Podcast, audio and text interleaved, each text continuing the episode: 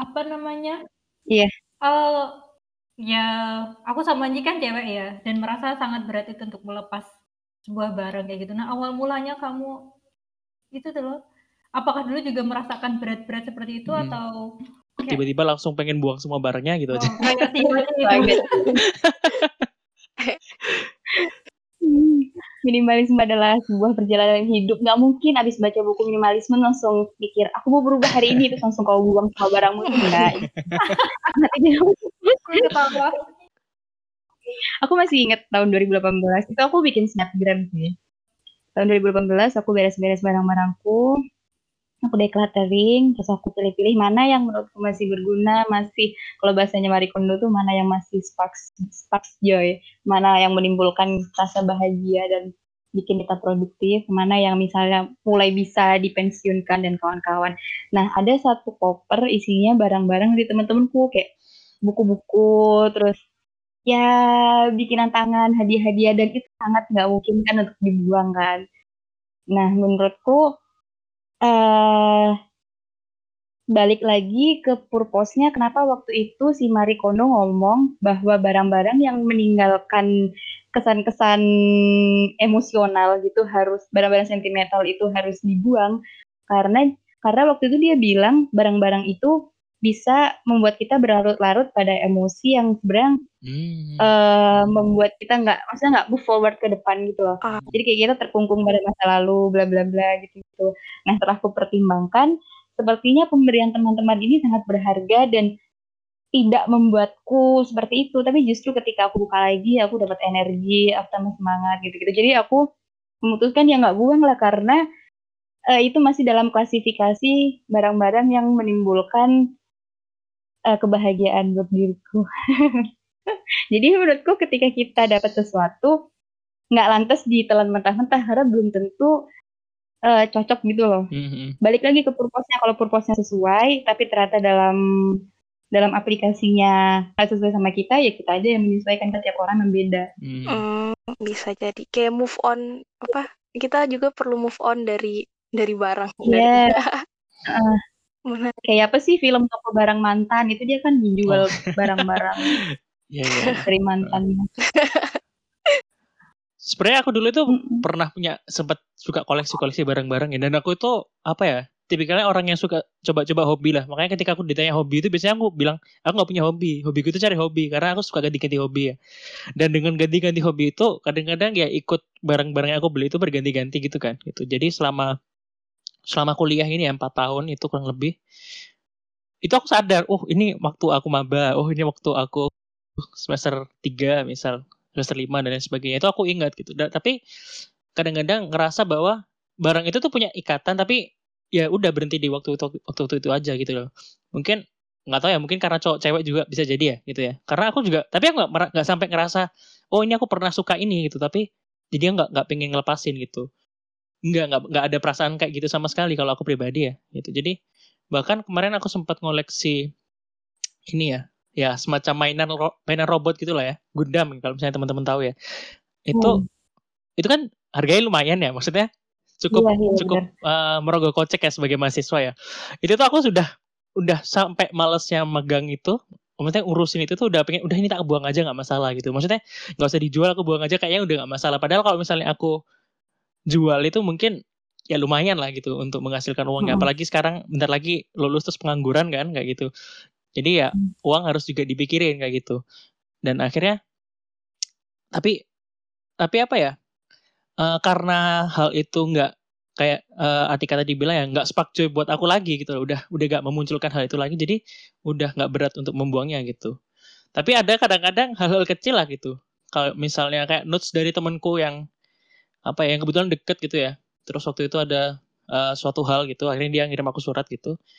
Ya itu aku simpan gitu meskipun ya itu hal kecil yang nggak nggak ada nilainya bahkan mungkin bagi orang-orang lain ya. Cuman ada nilai buat aku doang gitu ya. Mungkin itu sih kalau aku mandangnya jadi eh, kadang-kadang suatu hal itu nilainya juga bagi kita ya bagi kita sendiri ya. Nggak cuma bagi orang lain ya. Nilainya itu berubah juga mengiring waktu sih. Dan makanya itu mungkin jadi driveku buat pengen ngebuang itu sih. Makanya juga pengen belajar nih sebenarnya minimalisme itu apa sih sebenarnya gitu. Mungkin Ji Boleh gimana Pak Gundamnya. Gimana, Nggi? Oh ya, aku aku mau cerita ya. Jadi aku sebenarnya tergolong orang yang tidak minimalis ya. Mungkin Vina tahu ya? karena barang karena barangku sangat banyak ya. Aku tuh sangat menghindari pindahan. Aku udah selama empat tahun kuliah cuma sekali pindahan doang karena ya barangku juga banyak.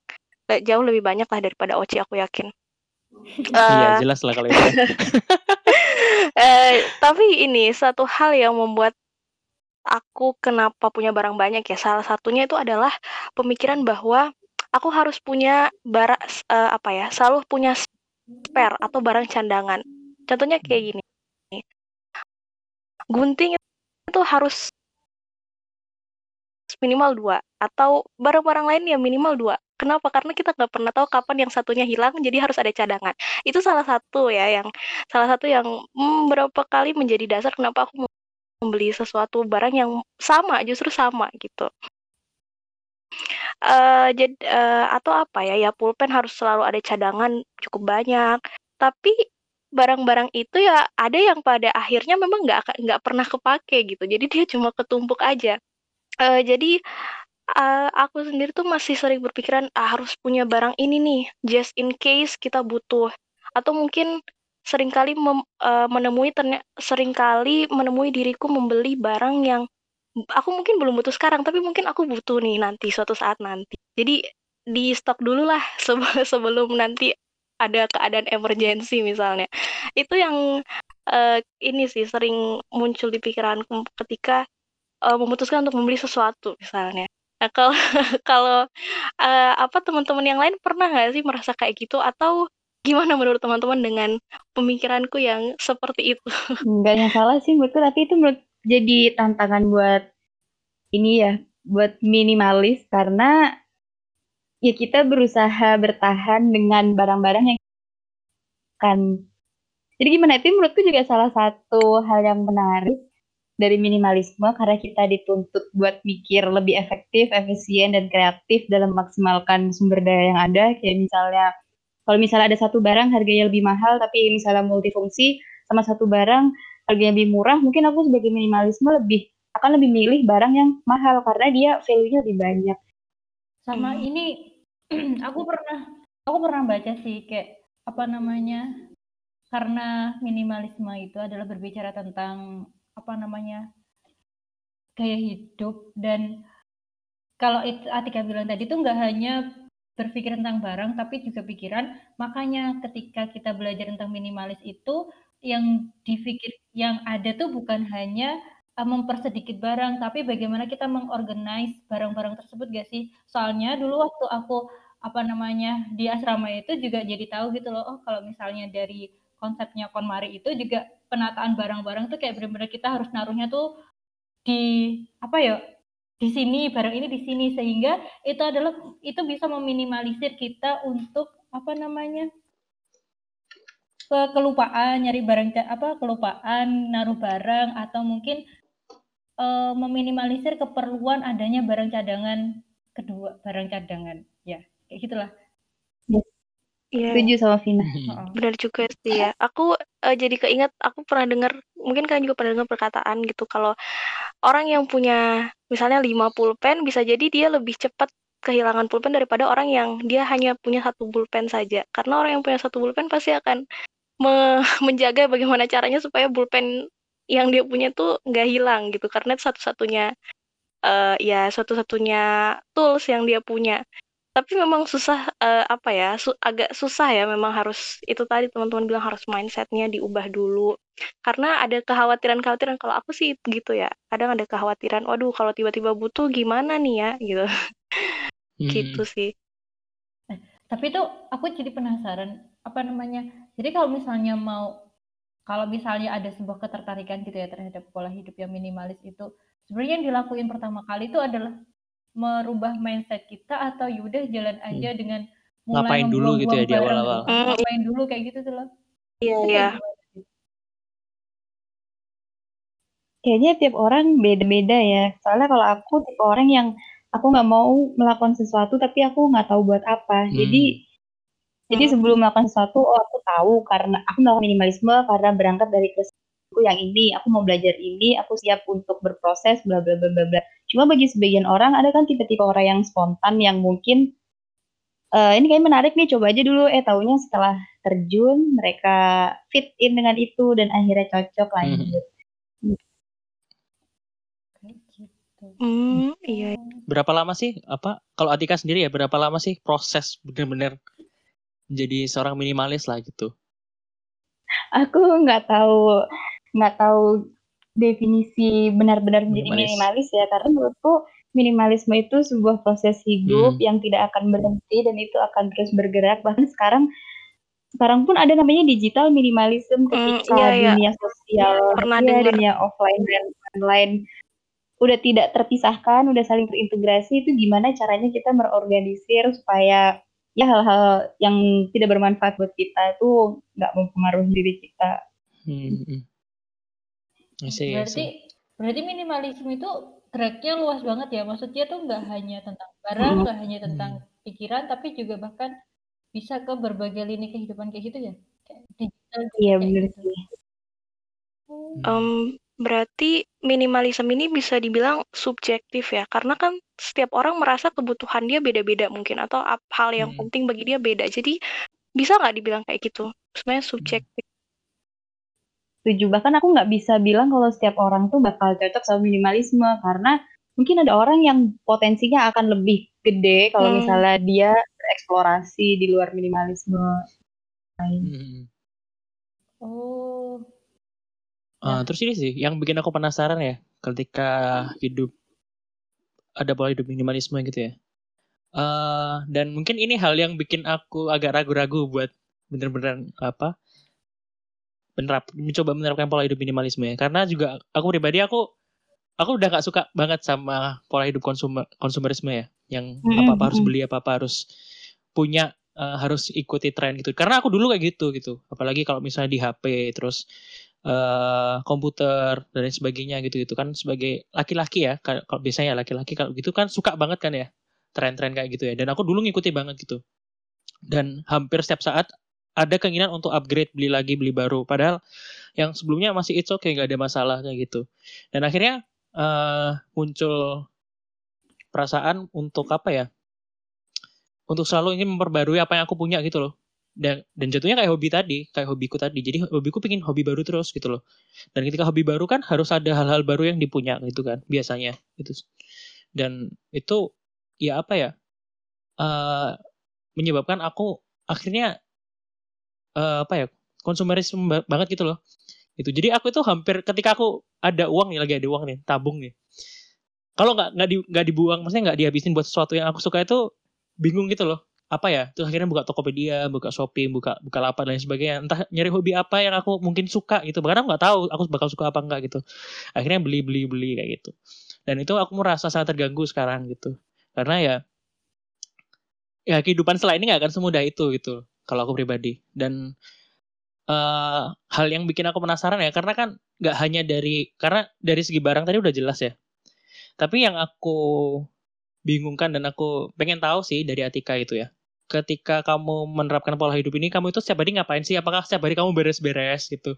Atau kamu beres-beresnya sebulan sekali atau bahkan setahun sekali baru beres-beres atau kayak gimana gitu? Maksudnya kayak aku tadi bilang di awal-awal kan kadang-kadang eh, suatu hal itu misal aku lagi suka sama apa ya ya robot tadi lah suka Gundam tadi gitu aku bisa aja ha, minggu apa bulan ini aku suka banget tapi ternyata dua bulan tiga bulan selanjutnya udah nggak suka gitu kan Hmm. kan itu kan juga berpengaruh dengan kapan kita apa decluttering ya istilah- istilahnya ya Hmm, kayak gitu Iya. itu gimana kalau dari Atika sendiri Betul aku setuju sama kamu tadi tentang konsumerisme. Karena aku eh, ngelihat dari film-film dari sumber-sumber kayaknya selama ini kan kita kenal minimalisme dari ini ya, dari apa namanya orang-orang Jepang yang berberes, bla bla. Cuman ternyata ada saluran aliran baru nih dari orang-orang Amerika. Mereka udah mulai menerapkan minimalisme juga, tapi yang ngedrive mereka tuh beda, bukan karena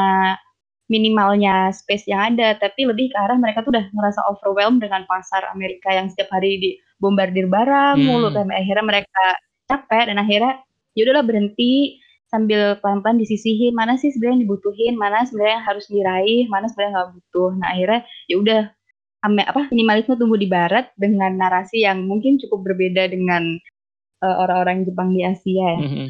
Terus jadi apa kegiatan kegiatan aku sebenarnya biasa aja sih. Aku suka decluttering karena setiap decluttering tuh aku pasti menemukan sesuatu yang baru. Jadi decluttering tuh menurutku sesuatu yang reflektif dan bisa dijadikan uh, apa ya pelarian kalau misalnya capek. Soalnya kalau misalnya kita aku menganggap kondisi sekitar dulu tuh dulu ada uh, seseorang di asrama tuh pernah bilang kalau mau lihat kondisi orang itu lihat aja kondisi kamarnya, hmm. apakah rapi apa enggak nah gitu dulu hmm. nggak percaya sih karena kadang ada temen yang rapi atau produktif terus terus abis itu ku ku ku, ku laksanakan. Maksudnya seiring dengan berjalannya waktu bersih bersih bla bla bla. Oke kayaknya aku setuju deh bahwa ternyata bersih-bersih, merapikan, mengorganisir sesuatu itu juga merapikan apa yang ada di pikiran. Karena ketika kita nemu barang-barang kadang kita mikir sekali kita berefleksi. Entah refleksinya uh, sebatas apakah kita masih butuh barang ini atau mungkin refleksinya bakal lebih-lebih. Kayak misalnya ya kehidupan setelah itulah atau apa hmm. gitu. Nah itu sih yang membuat aku enak dari minimalisme karena uh, mem memantik kita buat refleksi juga. Nah, kalau decluttering sendiri sih nggak setiap hari ya, paling seminggu sekali atau mm, dua minggu sekali gitu aja. Hmm. Karena jujur ya, kalau aku pribadi aku tuh orangnya malas beres-beres. Mungkin karena kebiasaan ya, karena kebiasaan Bener, sendiri. sama-sama. Kadang kalau terlalu banyak barangnya jadi makin males beres-beres. Iya, itu dia gitu. Makanya aku nggak suka barang banyak itu karena harus banyak yang diberesin itu. Iya, itu alasannya sebenarnya itu. Iya. Beresin barang tuh PR sih. Uh, uh, uh. Dan hmm. apa ya? Dan menarik sih tadi Atika bilang kalau misalnya beresin barang itu seneng. Aku tuh kalau udah mikir beresin barang mikir loh belum beresin itu udah mikir aduh ini harus beres-beres ini. udah pusing duluan, malah capek duluan gitu sebelum beres-beres gitu. Soalnya mungkin karena barangku dikit ya. Jadi kayak oh, aku tahu ini motor mana, ah. mana, motor mana gitu. Hmm, mungkin mungkin. Kalau aku tuh pasti ada satu sisi atau satu sudut atau satu tempat itu yang isinya barang-barang yang nggak ngerti random gitu loh. Jadi barang-barang yang aku ngerasa udah nggak oh. perlu udah aku taruh situ semua gitu. Jadi ketika harus udah bongkar tempat itu tuh aku udah aduh males banget itu. Gitu sih. Kalau aku pribadi ya agak curhat ini. Makanya aku jadi agak ragu-ragu ketika harus uh, menerapkan pola hidup ini ya. Mungkin tantangannya sih itu sih. Mungkin tantangannya ya. Tantangannya adalah ya uh, ya mau nggak mau harus beres-beres. Karena kalau misalnya kita nggak beres-beres kalau aku dengerin Atika tadi kita nggak bakal tahu mana hal yang mungkin kita rasa itu valuable buat kita atau enggak kayak gitu. Itu sih tapi mungkin Eh, tapi aku penasaran. gimana gimana? Ah, mungkin apa? Enggak, aku penasaran barang-barang yang biasa simpen yang tadi kamu bilang disimpan di pojokan tuh biasanya apa sih? Kadang itu entah buku yang udah nggak kebaca gitu ya. Maksudnya mm -hmm. udah udah nggak mm -hmm. pengen baca lagi atau mungkin ya itu bekas-bekas hobi-hobiku gitu karena aku hobi hobiku hobiku banyak banget ya gitu ya dulu ya tapi sekarang udah mulai mengurangi hobi sih gitu dan banyak banget barang-barang yang mudah nggak kepake gitu karena ya itu khusus buat hobi itu doang gitu. Jadi ketika apa ya kalau misalnya nyimpen gunting atau nyimpen apa ya hal-hal kayak perkakas dan lain sebagainya itu kan ada fungsi fungsinya kan nggak cuma satu ya. Sedangkan hal-hal yang aku punya itu fungsinya itu cuma satu gitu loh. Ya untuk memenuhi hmm. hobi itu gitu. Tapi ketika udah nggak tertarik dengan hobi itu lagi ya akhirnya tersisihkan gitu. Dan banyak banget kayak gitu. Dan akhirnya ngerasa sekarang sangat teroverwhelm lah gitu. Ketika kemarin beres-beres terutama gitu. Karena oh ini aku nggak ngerasa nggak perlu kenapa aku masih simpan ya gitu. Mm. tapi yang aku sadari dari minimalisme sendiri adalah kebaikan tuh ternyata bisa diperpanjang loh. Jadi kayak misalnya aku ngelihat uh, orang-orang yang apa namanya menjalankan minimalisme gitu mereka gabung ke komunitas mereka sering share barang-barang bekas mereka yang masih layak pakai gitu. Dan menurut aku daripada beli baru terus habis itu nggak kepake kayak misalnya baju-baju bayi ya baju bayi kan bentar paling kalau bayinya gede bajunya dibuang. Nah itu biasanya daripada dibuang dipinjemin ke orang nanti bajunya muter lagi. Sama kayak buku-buku nggak kepake dikasihin orang kan orangnya selesai baca dikasihin lagi. Jadi kayak menurutku wow indah aja gitu hmm. barangnya muter dan memberi hmm, manfaat. Hmm, dan iya, itu iya. menurutku menciptakan kondisi sosial yang kita sekarang kan individual ya. Hmm. Nah, dengan nge-share barang kayak gitu tuh menurutku mau me apa ya, mewujudkan sisi-sisi sosial dan menjaga menjaga kehidupan kita sebagai makhluk sosial sih. Mhm mhm. Iya. Mhm. Mmm, aku pengen, eee, ini penasaran nih, kan ada ya orang yang, eee, dia bahagia atau senang tuh ketika dia membeli barang baru, misalkan ada yang gitu tuh, ada kepuasan Hmm. tersendiri lah. Nah, kalau kayak gitu, eee, apakah bisa gitu ya dikatakan minimalis kalau dia setiap beli barang baru dia, eee, mem istilahnya kayak mem me memberikan barang-barang yang lama ke orang lain atau dia menyisihkan barang-barang yang lama gitu, tapi dia tetap beli, beli terus tetap, tapi ada perputaran barang gitu. Itu gimana tuh? Eee, barang yang dia beli valuable nggak menurut dia atau hanya karena diskon? Mmm, bisa kalau, eee, kasus ini aku mikirnya karena itu sih, karena diskon, terus dia happy melakukannya dari perspektifnya dia, gitu. Bukan karena Hmm, barang yang lama oke. bener-bener rusak, tapi karena ya itu, karena keinginan. Dulu tuh aku pernah baca sih, eee, diskon itu sebenarnya bisa jadi jebakan juga, karena ketika kita dikasih diskon rendah, kita ngerasa kayak, "Oh, ini nih mumpung diskon, kita beli," padahal sebenarnya kita nggak butuh. Nah, sebenarnya yang harus diingat-ingat lagi adalah pertanyaan kita butuh nggak kita Iya. butuh nggak, jangan hanya karena diskon. Tapi kalau misalnya barang itu butuh, kita butuh, terus diskon, ya why not gitu. Mhm mhm. Hmm. Ya sih, kadang-kadang kalap ya kalau misalnya ada diskon. Iya, aduh apalagi ada e-commerce banyak banget Iya. sekarang. Iya, Gampang banget dengan udah. tangan udah tinggal tunggu di rumah datang barangnya. Mhm. Iya, Apalagi rebahan. pandemi ini pasti tingkat pembelian online sangat Oh iya, meno kalau nggak sa melonjak tinggi ya. iya. Aku juga dengar kalau nggak salah Amazon juga naik banget itu kalau nggak salah sahamnya gara-gara pandemi gitu. Yang lain bisnisnya turun malah mereka naik, ya wajar sih. Iya. Eh eh, tapi tapi tuh kalau berbicara sam tentang barang yang bernilai atau enggak, eee, aku jadi kayak Mhm. mikir gitu loh, maksudnya untuk menentukan barang itu bernilai atau enggak pun, eee, ini bisa jadi tuh sebenarnya nggak perlu-perlu banget, tapi kita menilainya tuh kayak itu perlu banget gitu. Nah, ada ini enggak, sebuah panduan atau apa ya, kayak kira kayak misalnya buat mendefinisikan, oh ternyata ketik barang barang itu bisa dikatakan bernilai itu ketika apa, gitu. Mudeng pertanyaanku Mmm. nggak, guys? Iya, mudeng-mudeng. Karena sebenarnya yang menjadi basis dari minimalisme adalah value kan. Nah, value itu tiap orang beda-beda, tergantung tempat lokasi dia hidup, tergantung cara dia gede gimana. Nah, salah satu halnya menurutku bisa pakai mungkin patek patokannya Marie Kondo ya, apakah barang itu menimbulkan kebahagiaan untuk dirimu, maksudnya kebahagiaannya pun bukan kebahagiaan yang superficial yang tidak bermanfaat, tapi kebahagiaan yang bisa yang konstruktif mungkin ya. Yang kamu bilang tadi produktif gitu ya, bisa Iya, apakah membuat barang itu produktif gitu. heeh, membuat kita lebih baik, udah sih itu aja Oh, baik. Apakah barang itu membuat kita lebih baik? Hmm.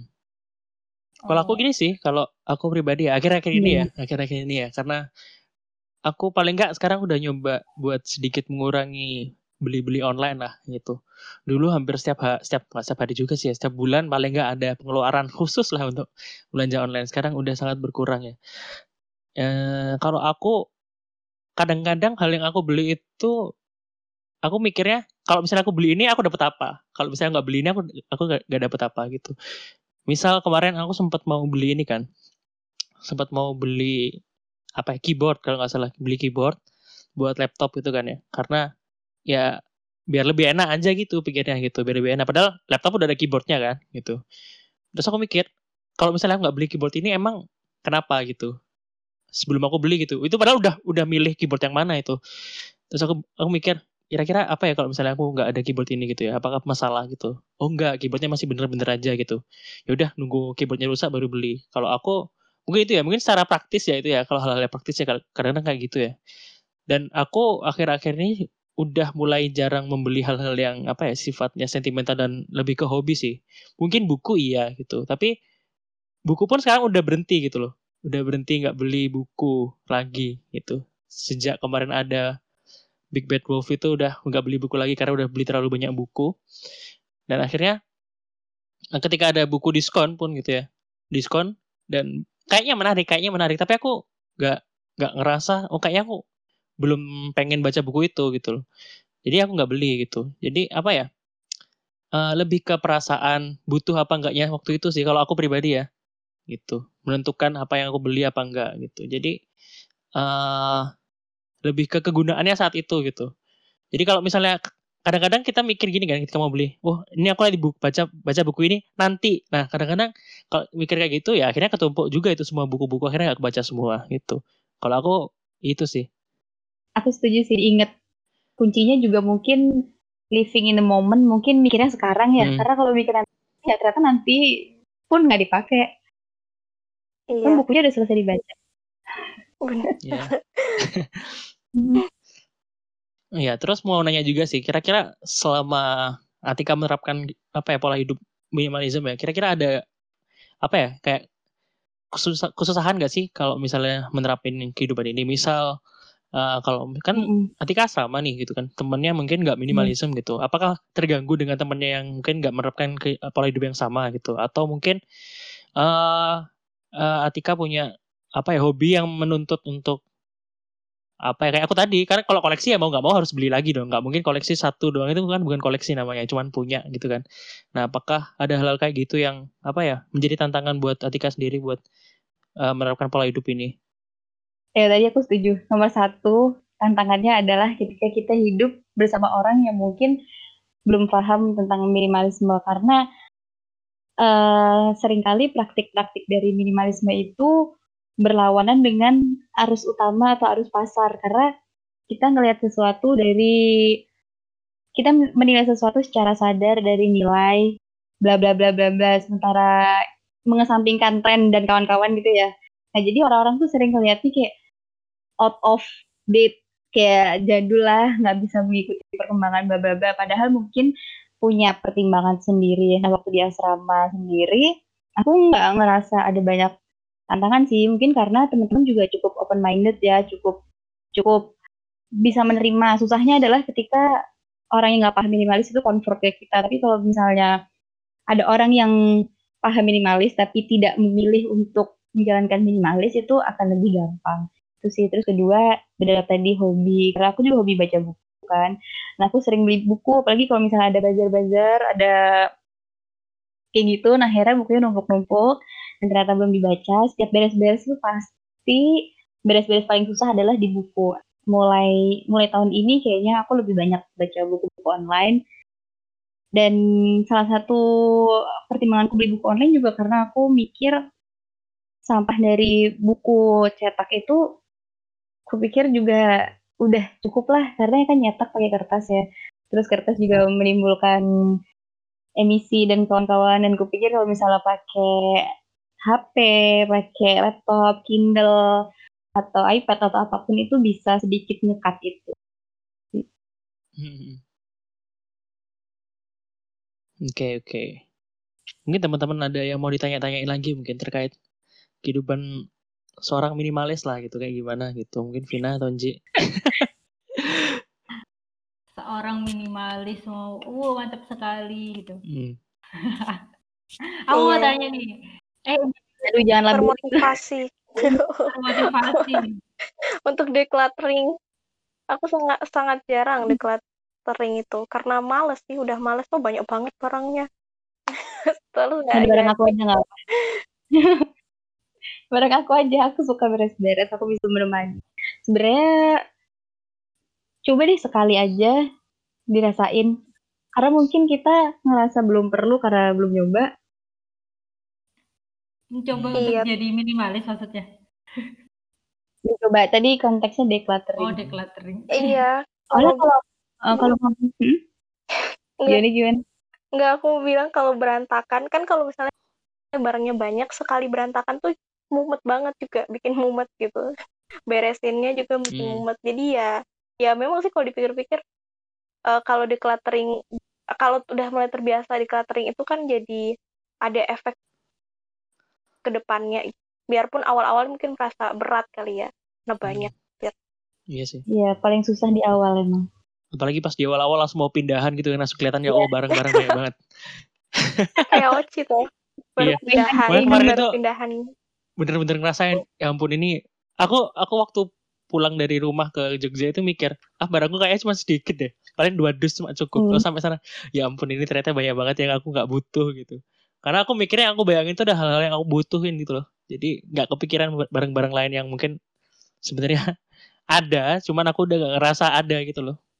Gitu. Bahkan mungkin ada aku tuh nyimpen satu folder isinya itu materi-materi kuliah semester 1 sama semester 2 dan itu gak kepegang sampai Wah. sekarang dan aku baru ketemu Aku- kemarin aku sampai ya ampun ini kenapa masih ada, belum belum tak ini loh ya ampun ya banyak banget itu kertas-kertas ya sedih sih gitu ya waktu itu butuh Tapi pas ya, beres-beres gimana. kan menarik ya. Heeh.